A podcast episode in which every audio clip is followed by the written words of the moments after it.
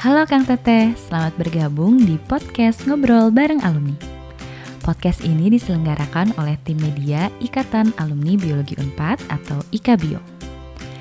Pada podcast ini kita akan silaturahmi bareng alumni dan ngobrolin banyak hal. Misalnya cerita, nostalgia, dan kesan-pesan selama berkuliah di Biologi Unpad. Yuk langsung saja kita dengarkan episode kali ini. Bismillahirrahmanirrahim. Assalamualaikum warahmatullahi wabarakatuh. Halo Akang Teteh semuanya yang mendengarkan. Selamat datang kembali di podcastnya Media Ika Bio Unpad bersama saya Fauzia dari Angkatan 2009. Alhamdulillah nih hari ini setelah kemarin-kemarin episode-episode episode sebelumnya kita kedatangan narasumbernya laki-laki nih alias Akang-Akang. Episode kali ini kita kedatangan salah satu alumni seorang perempuan, teteh-teteh ya. Siapakah dia? Saya bacakan sedikit dulu. Uh, apa namanya biodatanya. Teh Ayu Safitri Nurin Ya merupakan alumni Biologi Unpad angkatan 2003 dan seorang spesialis keong Indonesia yang hingga kini telah menemukan 23 spesies keong baru. Teh Ayu saat ini menjadi peneliti di Pusat Penelitian Biologi LIPI atau Lembaga Ilmu Pengetahuan Indonesia dan juga diamanahi sebagai Ketua Masyarakat Moluska Indonesia periode 2020-2022. Sudah banyak sekali nih prestasi yang ditorehkan sebagai hasil dari ketekunan Teh Ayu meneliti keong darat, di antaranya mendapatkan penghargaan Tony Whitten Conservation Prize di 2019 dan penghargaan L'Oreal UNESCO Fellowship for Women in Science tahun 2019 juga hingga menjadi ikon prestasi Pancasila tahun 2020 oleh BPIP. Assalamualaikum Teh Ayu. Waalaikumsalam Fauzia. Manggilnya apa? Dede. Ah. Eh, Dede. Ada Fauzia, Teteh Fauzia aja. oh, Wah, keren banget nih banyak banget prestasi yang sudah diraih ya oleh Teh Ayu ya. Mungkin Teh Ayu bisa menyapa dulu nih Akang Teteh yang mendengarkan di rumah sambil memperkenalkan diri secara singkat. Oh, boleh. Alhamdulillah. Assalamualaikum warahmatullahi wabarakatuh. Uh, Halo semuanya, Akang, Teteh, uh, adik-adik dari biologi Unpad. Himyo, himyo, himyo. gitu ya. Masih ada, masih masih tersisanya, masih ada jiwa-jiwa himyonya. Ya, perkenalkan nama saya Ayu Safitri Nurinsia, jadi biasa dipanggil Ayu. Saya biologi Unpad angkatan 2003. Dulu kalau uh, di Himbio saya di ornitologi sebetulnya. Karena tidak ada ini, tidak ada klub atau tidak ada grup moluska, jadi saya melipir ke ornitologi gitu. Duh, masih banyak ini banyak apa? Banyak kenangan di Himbio, jadi terus sukses selalu ya Himbio. Terang sekali bisa diundang di sini di podcast. Betul. Terima kasih juga nih atas uh, kesempatan Teh Ayu ya meluangkan waktunya pasti kan sibuk banget nih Teh Ayu. Nah, tadi oh, buat uh, Himbio mah aja apa pun. Nah, ini jadi penasaran juga nih Teh Ayu kan angkatan 2003 dan katanya masih inget banget nih sama Himbio. Kira-kira gimana sih Teh dulu waktu Teteh kuliah, waktu Teteh gabung di Himbio? Apa sih yang paling seru atau apa sih yang paling berkesan dari pengalaman waktu gabung bersama Himbio dulu? Uh, justru dulu waktu dimulai saya uh, masuk Himbio ya yang paling berkesan itu tentunya PCA ya. Kata sekarang masih ada tangga PCA. Oke PCA itu paling berkesan. Uh, dulu waktu menjalannya berat ya. Uh, ah kenapa begini, kenapa begitu gitu. Tapi ternyata uh, proses PCA itu saya pakai ini sampai sekarang karena kan pekerjaan saya berkaitan dengan ekspedisi, berkaitan dengan lapangan ya, pengambilan uh, sampel di lapangan seperti itu masuk luar hutan. Ternyata terpakai gitu pembelajaran itu. Terus uh, yang paling saya apa ya berkesan dari Himbio Unpad itu itu apa persaudaraannya ya. Jadi kalau kawan-kawan di Himbio Unpad, kalau kita aktif di Himbio itu ke atasnya, ke bawahnya gitu, senior-seniornya uh, ketemu di mana aja kalau di Himbio tuh erat gitu insya Allah. Seperti itu sih senangnya. Ceritanya banyak itu bareng-barengnya tuh banyak. Begitu. Jadi emang PCA dan rasa persaudaraannya itu ya Teh ya yang masih teringat-ingat ya. Iya, karena kan susah senang bersama ya waktu waktu jadi itu bikin bikin kegiatan apa aja gitu kan kita suka bareng ya kalau di Himbio itu. Uh, aktif di himpunannya itu macam-macam kegiatannya. Nah di situlah belajar sih sebetulnya. Belajar uh, organize belajar memanage belajar baik manage waktu manage uh, orang gitu seperti itu. Ya itu ternyata belajarnya pada waktu kita di himpunan seperti itu dan ke bawah sih sampai sekarang. Betul. Jadi sangat makasih terpakai Himbio ya. Ya. ya. iya. Dapat jodoh juga di Himbio gitu. Jadi makasih Oh, ya Himbio. Paket lengkap ya Teh ya ternyata Himbio Paket tuh ya. Pengalaman juga ya ternyata jodoh juga dapat ya Teh ya. Iya, Nah, alhamdulillah. Eh, yang tadi disebutkan di awal nih, Teh Ayu kan sangat eh, berkecimpung di dunia moluska atau keong ya. Mungkin bisa cerita sedikit nih ke Akang Teteh alumni yang mendengarkan, gimana sih awal mulanya tertarik dan memutuskan untuk fokus di bidang keong? Eh, jadi dulu waktu saya suka keong tuh sebetulnya dari SMA ya, dari SMA kelas 3 tuh saya eh, sudah tertarik dengan keong gitu. Lalu alhamdulillah saya masuk ke jurusan biologi Unpad dan eh, di sana jadi kayak terasah gitu ya tentang pelajaran hewan-hewan ya, pelajaran kebiologiannya. Nah dulu waktu saya semester 3 kalau nggak salah itu Pak Budi dulu beliau di situ jadi kemahasiswaan eh, Unpad eh, ada beliau mengumumkan ada ini eh, karya tulis ya, karya tulis ilmiah seperti itu. Nah, beliau mengarahkan yaitu eh, saya mengambil keong lagi gitu. Jadi dulu semester 3 sudah mulai baca-baca lagi tentang keong. Lalu waktu saya kulker di Pangandaran itu itu di bawah bimbingan Melani waktu itu pembimbingan lapangannya itu saya ambil lagi tentang keong darat gitu. Terus waktu kerja praktek dan skripsi saya juga mengambil uh, keong itu di bawah bimbingannya Prof. Saiti Murad waktu itu. Nah berkat Himbio juga sebetulnya saya dikenalkan dengan uh, saya bisa magang di LIPI.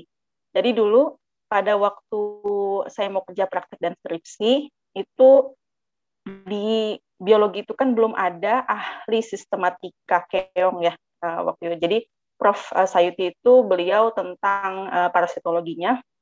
Jadi saya mencari yang uh, bisa sistematik biosistematika. Nah, akhirnya saya mengkontak alumni Himbio uh, Teh Pungki waktu itu menanyakan apakah ada uh, yang ahli keong di LIPI. Akhirnya saya kontak dan uh, apa namanya bisa magang di LIPI dan alhamdulillah sekarang jadi jadi staf di LIPI. Itulah uh, salah satu apa ya uh, manfaat menurut saya ya untuk bisa bergabung di Himbio gitu. Jadi banyak uh, networking seperti itu.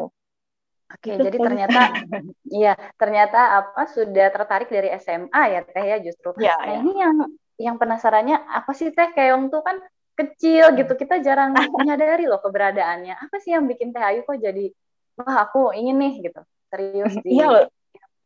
Di keong gitu ya. Soalnya dulu Iya. tuh orang kan taunya tentang eh, saya juga sih dulu taunya cuman bekicot ya. Eh, Hmm.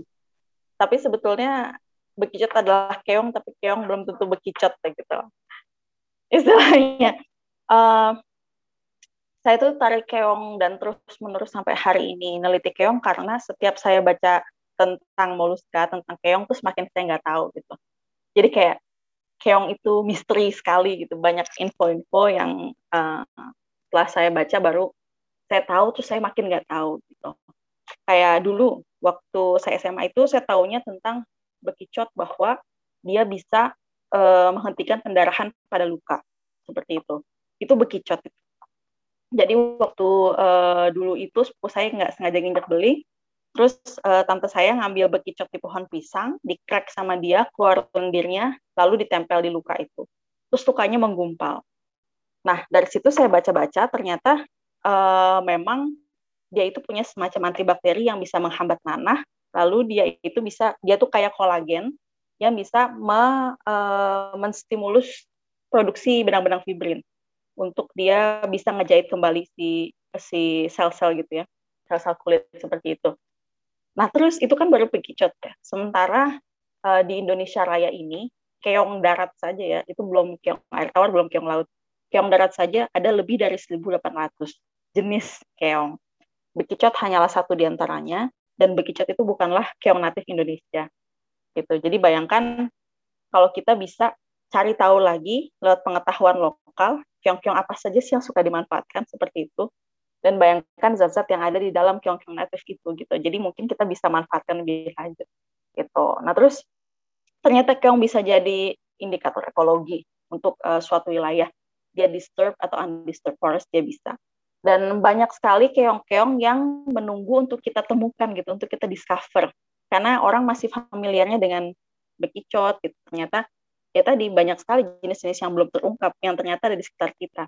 Di 23 jenis keong yang saya temukan baru itu itu baru di Jawa yang notabene uh, pulaunya sendiri sudah uh, terganggu ya, maksudnya populasi manusianya banyak, hutannya sudah tinggal sedikit gitu, tetapi masih banyak jenis baru yang bisa ditemukan. Bayangkan di pulau-pulau lainnya gitu, yang uh, masih bagus gitu hutan-hutannya.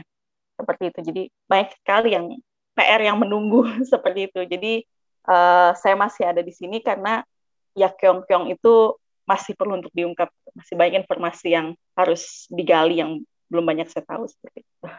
Wah ini saya juga baru dengar banget nih ya teh ternyata menarik banget kalau misalnya ternyata si bekicot itu bisa membantu kita untuk uh, apa menyembuhkan luka ya dan baru tahu juga hmm. kalau bekicot ternyata uh, bukan warga lokal ya ternyata dia iya.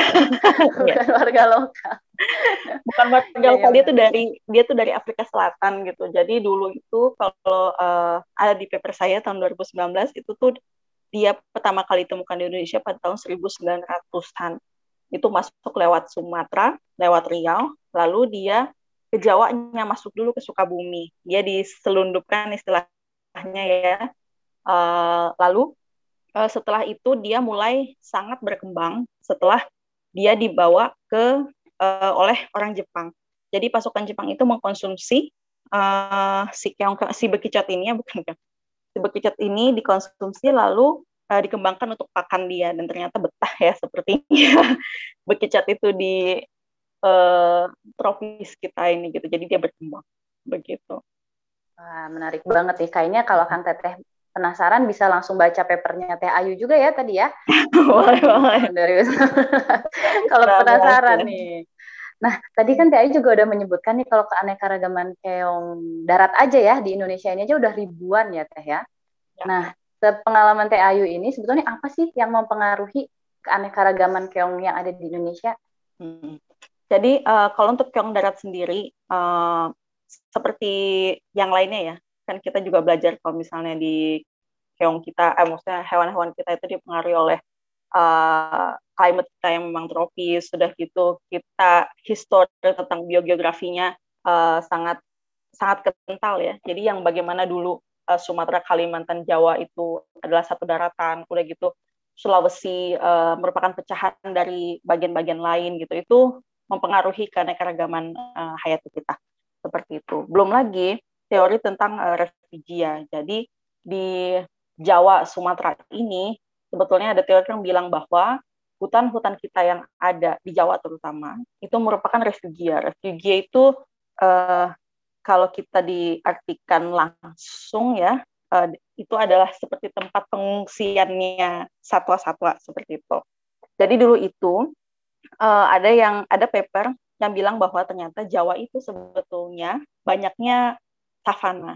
Jadi hutan yang ada kita ini uh, sudah sudah sedikit sebetulnya secara alami gitu ya. Yang banyak memang di Sumatera, di Sumatera bagian timurnya seperti itu. Nah terus ada masa glasial jadi ada masa naik turunnya air uh, dulu ya apa ya jadi ice age itu loh kan ada ada masa beku ada masa cair gitu ya nah pada zaman glasial itu itu kondisi air naik turun jadi daratan Sumatera Kalimantan dan Jawa itu dia tidak langsung surut eh dia tidak langsung uh, menggenang seperti sekarang jadi dulu surut satu daratan lalu menggenang dalam satu waktu sehingga kita terpisah pulaunya. Jadi tidak seperti itu.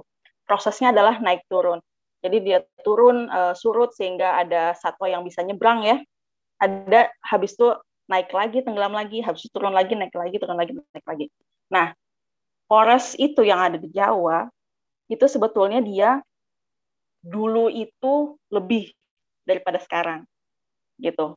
Jadi itu sekarang dia semakin menyempit Nah, proses seperti ini juga bisa uh, mempengaruhi spesiasi gitu atau terjadinya spesies uh, pada uh, suatu hayati gitu. Itu menyebabkan juga keanekaragaman hayati kita yang bervariasi gitu, berbeda antara satu tempat dengan yang lain. Menjadikan uh, spesies-spesies jadi kritik itu hanya ada di tempat-tempat tertentu dia tidak ditemukan di tempat lain gitu. Itu jadi jadi beragam. Seperti itu. Terus ada lagi teori lain yaitu teori Rappaport. Itu uh, jadi banyak jadi maaf ya kalau kayak jadi kuliah. Pada dasarnya nggak apa-apa teh menarik banget loh ini. Ya jadi ada ada ada teori namanya Rappaport itu. Itu kalau di dunia ini uh, hayati karena keban hayati satwa misalnya ya, itu dia semakin dia menjauhi katulistiwa, dia itu jenisnya sedikit tapi jumlah banyak. Sementara semakin dia mendekati katulistiwa, dia uh, jenisnya banyak tapi jumlahnya per jenis sedikit. Seperti itu. Jadi itu juga yang menyebabkan jenis-jenis hayati di kita, daerah-daerah tropis itu lebih besar dibandingkan daerah-daerah yang menjauh tropis. Makanya kita bilang kan uh, oh ya uh, kenapa kita banyak? Oh karena kita dilalui oleh garis katulistiwa. Itu memang salah satunya ada teorinya seperti itu. Betul jadi Indonesia ini punya punya kelebihan banget ya ternyata teh ya secara nah. geografis ya dan iklim juga. Kaya Indonesia itu kaya sekali gitu ya dari segi ke sumber daya itu kaya sekali Betul. Jadi uh, mungkin Teh Ayu nanti bisa membawa si keong-keong yang lokal itu jadi lebih terkenal ya Teh dari Bekicot karena sebenarnya kaya ya kita ini. Amin. Iya, iya dong kan kita kalau kita mau memanfaatkan sumber daya hayati kita, kita kan harus tahu dong di dapur kita ada apa yang enggak. Jadi gimana kita mau masak kalau kita nggak tahu apa yang ada di dapur kita gitu. Makanya uh, pekerjaan saya salah satunya adalah mengisi dapur gitu, menambah informasi dapur kita tentang Hayat Keong begitu. Analogi yang sangat tepat ya Teh ya. Nah, sebagai uh, ibu-ibu gitu ya. Iya, harus relate gitu ya Teh. Iya.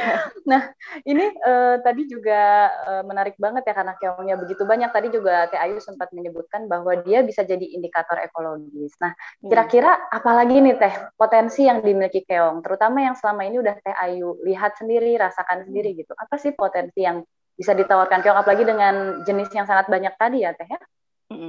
Uh, jadi keong sebagai indikator ekologi itu kalau di keong air tawar mungkin sudah banyak yang di uh, diflorkan di kuliah-kuliah dulu saya juga tahu indikator ekologi uh, keong air tawar sebagai indikator ekologi itu dari perkuliahan gitu.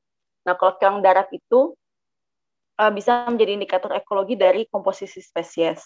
Jadi kita sering berargumentasi bahwa di satu lokasi yang keragaman jenisnya tinggi, dia areanya lebih bagus dibandingkan lokasi dengan keanekaragaman jenis yang rendah, ya kan ya teorinya seperti itu. Nah, ada ada kalanya dia tepat, ada kalanya dia tidak tepat.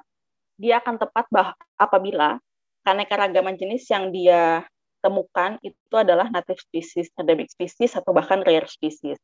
Tetapi jika kita menemukan keanekaragaman spesies itu tinggi, tetapi isinya adalah keong-keong introduce atau keong-keong invasif seperti itu. Sementara di tempat lain, walaupun keanekaragaman jenis hayatinya rendah, tetapi isinya native spesies semua, maka yang karena keanekaragaman spesies yang tinggi itu itu belum tentu lebih baik gitu. Itu yang ditemukan di uh, keong darat sebagai indikator ekologi.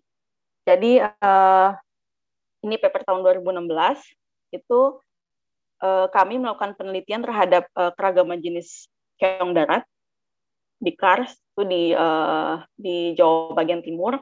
Dan di sana itu kayak menemukan ada uh, kayak membandingkan uh, keragaman jenis dan komposisi serta abundance di beberapa tipe tata guna lahan.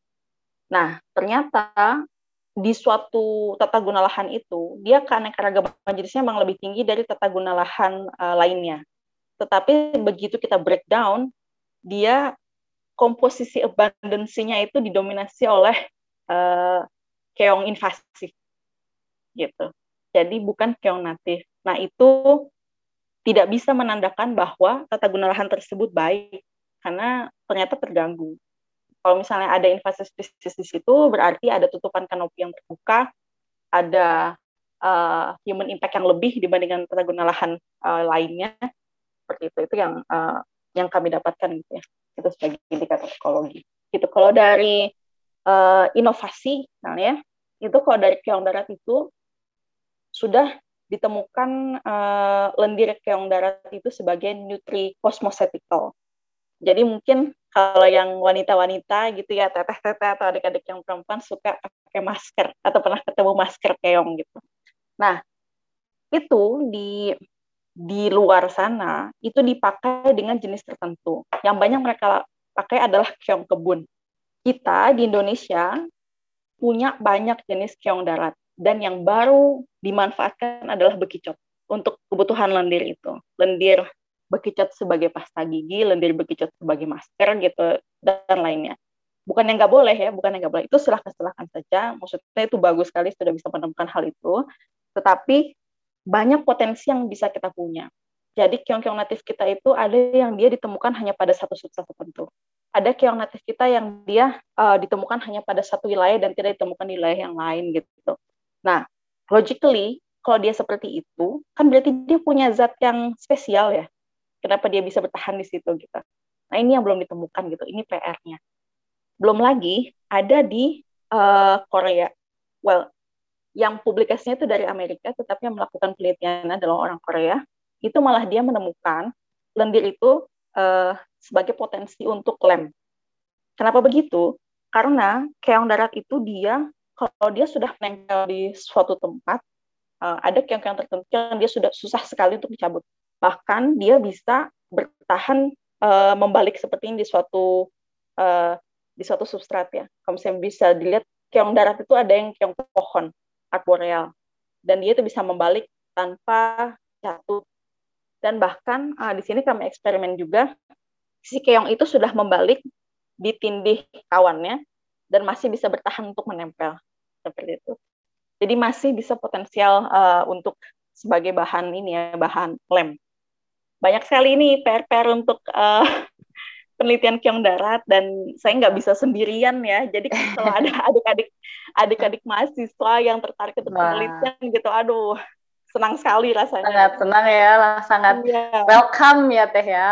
Iya, Evo ini saya uh, saya sudah bimbing uh, banyak apa beberapa mahasiswa tapi dari luar universitas nih belum oh. belum ada yang dari biologi unpad nih belum ada oh, belum ada yang nyantol nanti, uh, ya nanti di akhir kita tanya lagi Teh Ayu kira-kira uh, Akang Teteh bisa hubungi Teh Ayu di mana ya tapi sebelum kita tanya itu uh, tadi Teh Ayu udah cerita banyak itu potensi-potensi yang baru diketahui nah kan Teh Ayu bilang juga masih banyak banget yang belum diketahui dan PR-nya tentu saja untuk para peneliti keong itu masih banyak. Nah, yeah. ini uh, seperti yang tadi Teh Ayu bilang di awal kan Teh Ayu di Himbioni dapat jodoh juga nih, berarti kan pasti sekarang Teh Ayu sudah berkeluarga ya.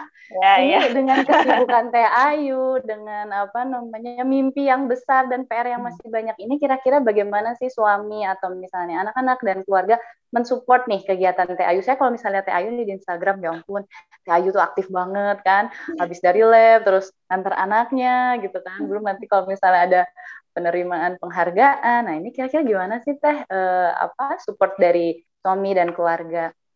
Yang jelas uh, saya harus dan akan selalu bilang bahwa saya bisa sampai di sini itu atas izin, ridho dan dukungan dari orang tua dan suami. Kalau suami saya tidak semendukung ini, saya nggak mungkin ada di sini gitu. Alhamdulillahnya suami saya sangat suportif, terus karena kami uh, profesinya nggak jauh beda gitu ya. Itu jadi beliau mengerti gitu. Bahkan waktu saya S3 dulu uh, saya kan mengambil data satu Jawa ya satu pulau Jawa. Nah beliau yang mengantarin apa menemani saya untuk sampling keong. Dari yang tadinya melihat keong mikro itu katanya oh ini debu katanya. Atau oh ini halusinasi gitu. Sampai akhirnya dia bisa mengenali bahwa keong mikro itu adalah keong gitu. Seperti itu. Ya uh, gitu alhamdulillahnya. Saya saya bersyukur sekali sih memang gitu. Sampai uh, anak-anak saya juga ya kami sudah kenalkan ya tentang satwa gitu. Karena saya memang peneliti keong lalu suami peneliti burung begitu. Jadi memang dari kecil sudah dikenalkan tentang satwa-satwa gitu. dan alhamdulillahnya mereka tahu kalau kita bilang oh uh, Umi harus ke hutan dulu ngambil keong gitu. Terus atau oh ini babanya mau ini dulu mau ke lapangan dulu mau lihat burung kan itu mereka ya udah alhamdulillah gitu. Ya gitulah. Oh jadi ke keuntungannya kalau misalnya sama satu jurusan tuh saling ngerti ya teh ya, karena udah tahu lah ya gitu kan di lapangan gimana. Iya. satu keuntungan.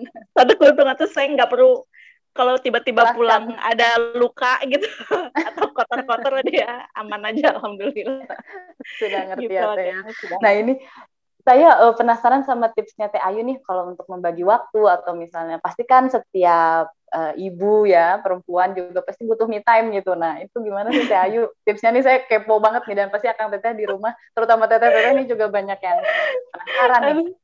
Ya, aduh. Kalau itu saya masih belajar ya sampai hari ini. Karena kayak uh, dulu dulu waktu anak-anak saya masih bayi, uh, pembagian waktunya beda lagi. Terus sekarang anak-anak sudah mulai sekolah, tantangannya beda lagi gitu ya. Tapi yang tadi uh, saya bersyukurnya itu saya dan suami itu seperti tim lah gitu. Jadi kita berdua tuh nggak ada yang oh ini tuh harusnya istri nih, ini harusnya ibu yang lakuin gitu. Terus oh ini harusnya nih bapaknya yang lakuin gitu. Ini nggak kayak gitu.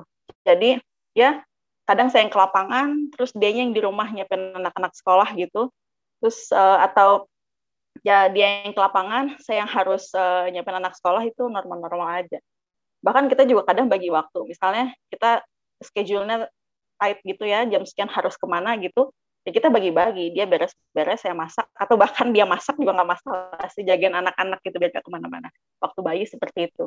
Terus kalau kita butuh me time dia butuh me time saya butuh me time ya harus saling mengerti aja gitu. Jadi misalnya kalau misalnya hobi main bola nih dia mau me time gitu ya ya udah saya sama anak-anak ya bareng aja gitu terus dia biar main bola gitu. Atau saya misalnya mau nyalon gitu ya gitu ya udah suami yang sama uh, sama anak-anak gitu. Jadi kami terbiasa untuk ditinggal sendiri mesti bertiga gitu ya. Saya sama anak-anak tiga jalan ke mana dia bertiga gitu saya sendiri gitu. Itu kita dari awal uh, dari awal bersama ya begitu gitu nah, jadi intinya kerjasama dan memperlakukannya sebagai tim gitu ya teh ya. Iya. Baik banget. Kayaknya gitu. harus ada podcast khusus yang ngebahas itu deh. Selain keong. Jadi temanya beda ya bukan temanya beda bukan keong. Nah uh, ini kalau dari teh Ayu sendiri um, ada nggak nih misalnya pesan khusus nih buat uh, alumni alumni biologi terutama yang perempuan-perempuan nih supaya Eh, bisa terus termotivasi misalnya kan. Pasti ini habis ini banyak yang langsung poin Instagram Teh Ayu nih kayaknya. Ada ada uh, apa tipsnya ya? Uh, jadi kalau kalian suka sama sesuatu lakukan yang kalian suka. Jadi do what you love love it what you do gitu. Lakukan sesuatu yang kalian suka dan kalau misalnya kalian terpaksa melakukan sesuatu yang kalian kurang berkenan gitu, itu mulailah mencintai atau menyukainya gitu ya. Seperti itu karena kalau kalian suka itu walaupun berat menjalaninnya, tapi insya Allah akan lebih indah gitu dibandingkan tidak ikhlas seperti itu ya. Lalu lagi eh, kalau ada orang yang mandang saya kadang, oh ini hebat banget nih Ibu Ayu apa sih gitu ya, itu saya nggak nggak mau menerimanya sendirian gitu. Karena kalau saya sampai kayak saya ada di sini itu ya karena suami ya karena keluarga gitu. Jadi mereka lah yang hebat karena sabar ya. Sabar bisa mendampingi gitu. Jadi kalau misalnya anda para wanita di sana ketemu sama pasangan-pasangan yang sekiranya bisa menerima apa adanya yang bisa mensupport dan bukan menjatuhkan gitu. Apa yang uh, apa yang kalian suka gitu. Itu pertahankanlah. Pertahankan sampai akhir ya teh.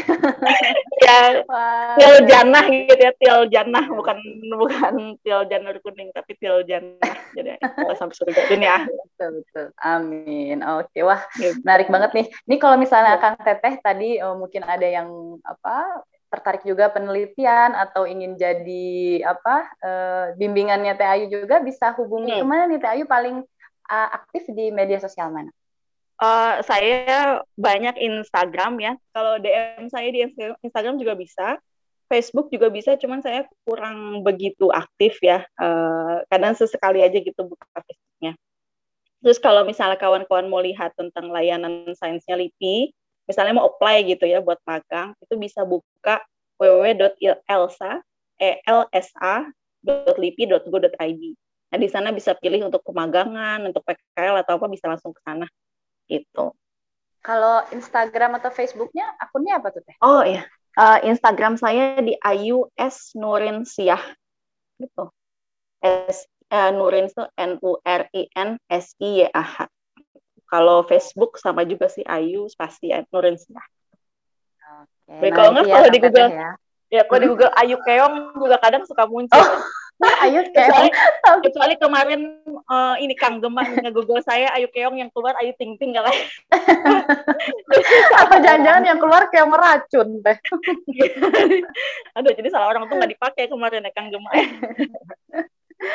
Oke Nina, jadi Akang Teteh tadi bisa langsung hubungi ya, uh, bisa ya, langsung ya, memperkenalkan diri sebagai alumni biologi ya Teh Ayu ya, dan juga bisa di Instagram atau Facebook. Terima kasih banget loh ya Teh Ayu atas waktunya. Sama-sama. Sama-sama. Iya ditunggu ya.